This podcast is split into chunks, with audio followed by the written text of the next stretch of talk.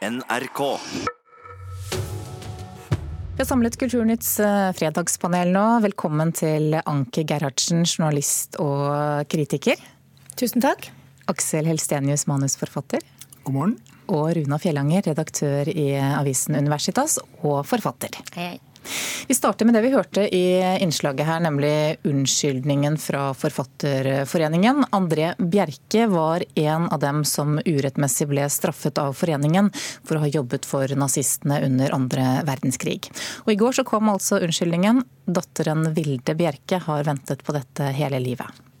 Og det var fatalt for ham. En ting var skammen som knakk ham. Det andre var det med økonomien. Han fikk jo ikke lov til å ha inntekter på et helt år etter krigen. Det sa altså datteren Vilde Bjerke. Spørsmålet til panelet er um, kommer unnskyldningen for sent? Vi kan starte hos deg, Anki i nord. Ja, altfor sent. Hvis, er, hvis, man mener at den kommer for sent, så tenker man jo da at den ikke skulle kommet nå. At det er for sent, det mener jeg ikke. Det er bedre at den kommer nå enn aldri, men den skulle vi veldig gjerne kommet tidligere. Definitivt. Ja, Anke, hvorfor mener du at dette er, så, er for sent? Ja, for det første, altså, å leve med dypt urettmessig nazistempel må være noe av det verste som kan ramme både selvfølelsen og selvrespekten til et menneske. Altså For et forferdelig stempel å ha på seg. Og så eh, mener jeg at det ligger forpliktelser i det å være en organisasjon eller en stor forening. Da må man ta inn over seg et ansvar som faktisk også handler om å rydde opp i gamle synder så, snart det lar seg gjøre. Da. Og særlig synder som knuser enkeltmenneskers gode navn og rykte helt urettmessig. Han døde i 85, hvis, tror jeg. Det er over 30 år siden.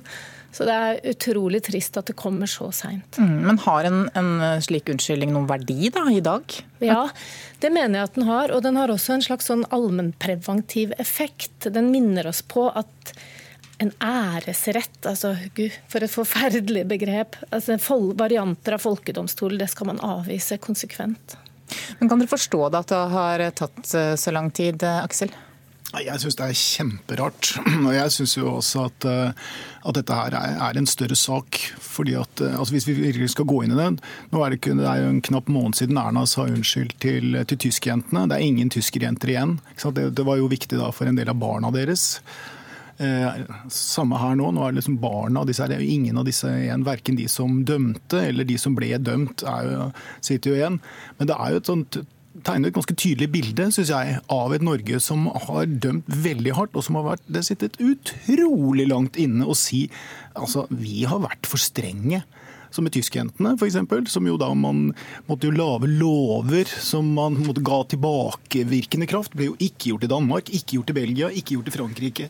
Så vi i Norge har vært voldsomme med denne fordømmelsen, og syns jeg er ekstremt treige med å, beklage det. Mm. Det var altså sosiologen Dag Solhjell og historiker Hans Fredrik Dahl som i en bok eh, i 2013 rettet oppmerksomheten mot disse såkalte æresrettene som kunstnerorganisasjonene opprettet. Um, Runa, burde de andre forbundene også beklage nå? Ja. Hvis man har gitt folk som Anki sier, et eh, urettmessig nazistempel, så tenker jeg man kan ta seg tid til å unnskylde. Uh, og jeg tenker Norge som, jeg, som, stat da, har vært litt dårlig på å unnskylde generelt. da, Og på å ta selvkritikk. Hvis man ser på kongen sa vel i 1997 en slags unnskyld til samene for helt uh, grusom behandling. da, Mens Erna Solberg i 2017 kom med noe som også lignet på en unnskyldning. da. Det å på en måte klare å si unnskyld, spesielt da, ikke som enkeltperson engang, men som stat da, for den uretten man har gjort andre, det kan man kanskje, det kan sitte litt løsere i Norge fremover, da. Men, men, må vi også ha en forståelse da for at uh, det hersket en annen stemning i, i, 1945? Ja, men det betyr ikke uh, at det som ble gjort, er riktig. Verden er jo drevet av en masse folk som har på et eller annet tidspunkt innsett at det man har holdt på med, var litt dumt, og at man burde begynne med noe nytt. Da. Verden hadde jo aldri beveget seg framover hvis ikke noen tenkte f.eks. at du kanskje har en idé at kvinner fikk stemmerett. Eller abortloven som er aktuell nå. Det er jo hele tiden noen som har skjønt at man ikke helt har drevet med riktige ting, da. Selv om selvfølgelig det var et annet klima. Mm. Men det har gått uh, veldig mange år? Veldig mange år. Uh, og man har en det, kan, det, er jo blitt uh, Og det er en fin ting som har skjedd det siste, da. At det er blitt mer aktuelt å, å kritisere også de mer sånn rosenrøde delene av norsk krigshistorie. da. Eh, men det er ganske mange ting vi kunne snakka mer om. Bigamiloven f.eks., som ga norske norske, norske soldater da, som var i utlandet i mer enn tre år, hvis jeg ikke husker feil, eh, muligheten til å skille seg fra konene sine hjemme i Norge og ta nye koner i andre land. Uten at konene hjemme fikk beskjed. Rolf Wesenlund og moren hans sto og ventet etter krigen på havna og ventet på far, da, som aldri kom hjem fordi han hadde giftet seg med en ny dame i Australia uten at familien fikk beskjed ja, det er en del ting som ikke blir gjort helt riktig, da. Eh, og som selv om det er 70 år siden, da, kan vi ta oss tid til å, å unnskylde til dessverre bare ett, følge. Ja, for det er lett å, det er lett å forstå. Altså det, er å, å, det er ikke lett å sette seg inn i hvordan det var før, men det er lett nå å se at ja, det var en annen tid, og da ble det andre regler, og ting utviklet seg, sånn som med bigamiloven. Men man burde kanskje snudd seg litt raskere at det har gått altså, flere generasjoner før uh, det kommer en unnskyldning eller en sånn aksept for at dette her, her ja, dette gikk utover mange mennesker urettmessig. Men samtidig så er det vel mange som nesten ikke har hørt om dette her engang. Eh, eh, nå blir jo dette her dratt opp. Det er jo nå mange får greie på at de har fått dette nazistempelet. Ja, interessant. Jeg visste ikke det da. Vi har snakket med flere eldre mennesker. Hva? Var det André Bjerken? Det hadde jeg aldri hørt. Så det skal snakke om en annen ting som har eh, vært tema denne uken. Debatten på NRK hadde en, eh, en debatt faktisk da, om språk. Mange av dagens unge kan nemlig ikke skille mellom kj og sj-lyd. Og språkforsker Hanne Gram Simonsen sier skillet mellom kj og sj er den siste lyden barn lærer, og at det vil viskes ut på sikt. Også debattlederen selv, Fredrik Solvang, trengte ekstra øvelse. Det blir kjempegøy, for uh Åh, oh, dem. Og hvis du kjenner noen klokka 21.20 Nei, den sitter ikke ennå, så jeg må bare Det blir kjempegøy. Vent litt, jeg må bare øve litt mer. Ja, Det satt vel under sending, da. Spørsmålet til panelet er er det viktig at folk kan og lærer seg forskjellen. Vi starter med deg, Anki. Ja, med utropstegn. Ja Definitivt, sier jeg igjen.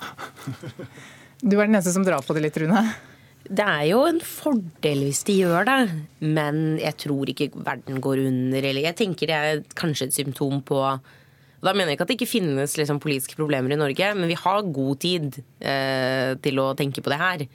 Når man, folk blir så engasjerte da, eh, i om eh, og lyd. Og jeg kan si det, selv om jeg tilhører den generasjonen som ikke kan det. Uh, og jeg irriterer meg. Jeg jobber som redaktør i en studentavis. Jeg leser mange skrivefeil hver uke. Uh, og irriterer meg grønn over alle tingene folk ikke kan skrive. Etter hvert f.eks. skriver de feil. Uh, men jeg tenker, at det er, jeg tenker ikke det er det viktigste. Jeg klarer ikke å bli ordentlig sur, da. Men det handler jo ikke om, om så mye kanskje om hvordan de skriver, men nei, nei. hvordan de snakker. da. Mm. Mm.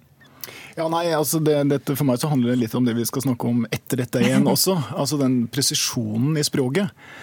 For meg er det det, og gjerne språksnobb, altså, men jeg mener jo at dette er jo noe man må lære seg. Og det er, dette er litt vanskelig å lære. Det, altså, å putte tungen opp og ned og sånt for å få til en lyd istedenfor en sj-lyd. Ja, det er litt vanskelig. Det er ikke det, men er ikke det greit, da? At uh, ting skal være litt vanskelig av og til. Og jeg mener jo at det, at det går an å lære. Uh, og hvis man vil. Men når man bare glemmer det og bare tenker at dette er greit, så, så sklir det jo selvfølgelig ut. Og da blir det ball og kino og, og sånt noe. Men Anki eh, Gerhardsen, spiller det noen rolle egentlig da, om jeg sier kjole eller kjole, så lenge du skjønner hva jeg mener? Ja, altså Det er mange argumenter for at dette her er viktig. Jeg vet nesten ikke hvor jeg skal begynne. Jeg er veldig opptatt av språk sjøl, men eh, eh, på denne debatten, husker jeg ikke hva han het, men var, han sa at eh, eh, norsk er et trua språk, er i ferd med å bli et trua språk. Og det er jeg også opptatt av.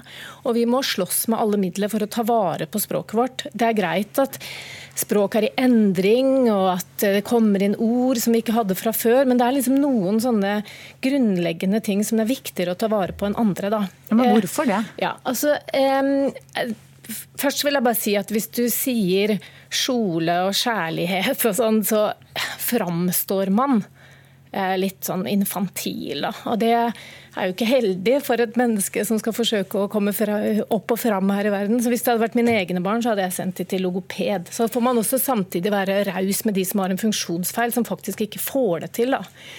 Men det er ikke alle det... som er enig med deg, da. Det er jo, tenker at i hvert fall mange unge i dag, de, det er jo en del av hvordan folk snakker, rett og slett? Ja, jeg har en, Den yngste min er 17 år, og hun syns det er helt skrekkelig hvis ikke folk kan si forskjell på sh og sh. Så her er ikke ungdommene helt samstemt, bare for å ha sagt det. da. Og så er det dette her med språket. da. Noen trekker liksom klassekortet her og sier at det er språksnobberi fra den utdannede elite, og sånn, men det er bare tull. Altså det er, det, vi ser hvordan språket trues fra mange kanter, og denne lyden er én ting. Det popper inn med låneord. Verre er det at syntaksen også er i endring. da. Og Språkforskerne sier jo at det er liksom et av de første tegnene på at språket begynner å nærme seg kanten av stupet, det er at syntaksen endres. Altså Bare hør når, når folk sier nå De sier 'jeg vet' istedenfor 'jeg vet det'. I know. Det begynner å endre seg. Det er det, er det ene. da. Og så kan man se Jeg underviste på journalistutdanninga i Bodø i fire år, ganske nylig. Og så hvordan studentene begynte å bruke begreper og ord helt feil. Veldig mange sier eh, 'den dag i dag' og mener 'nå' istedenfor 'fortsatt', f.eks. For Eh, og så så jeg også at de, Det er kanskje ikke så viktig, men veldig mange av de gamle ordtakene og uttrykkene kan ikke folk lenger. Gå ned med flagget til topps, nødlære naken kvinne og spinne.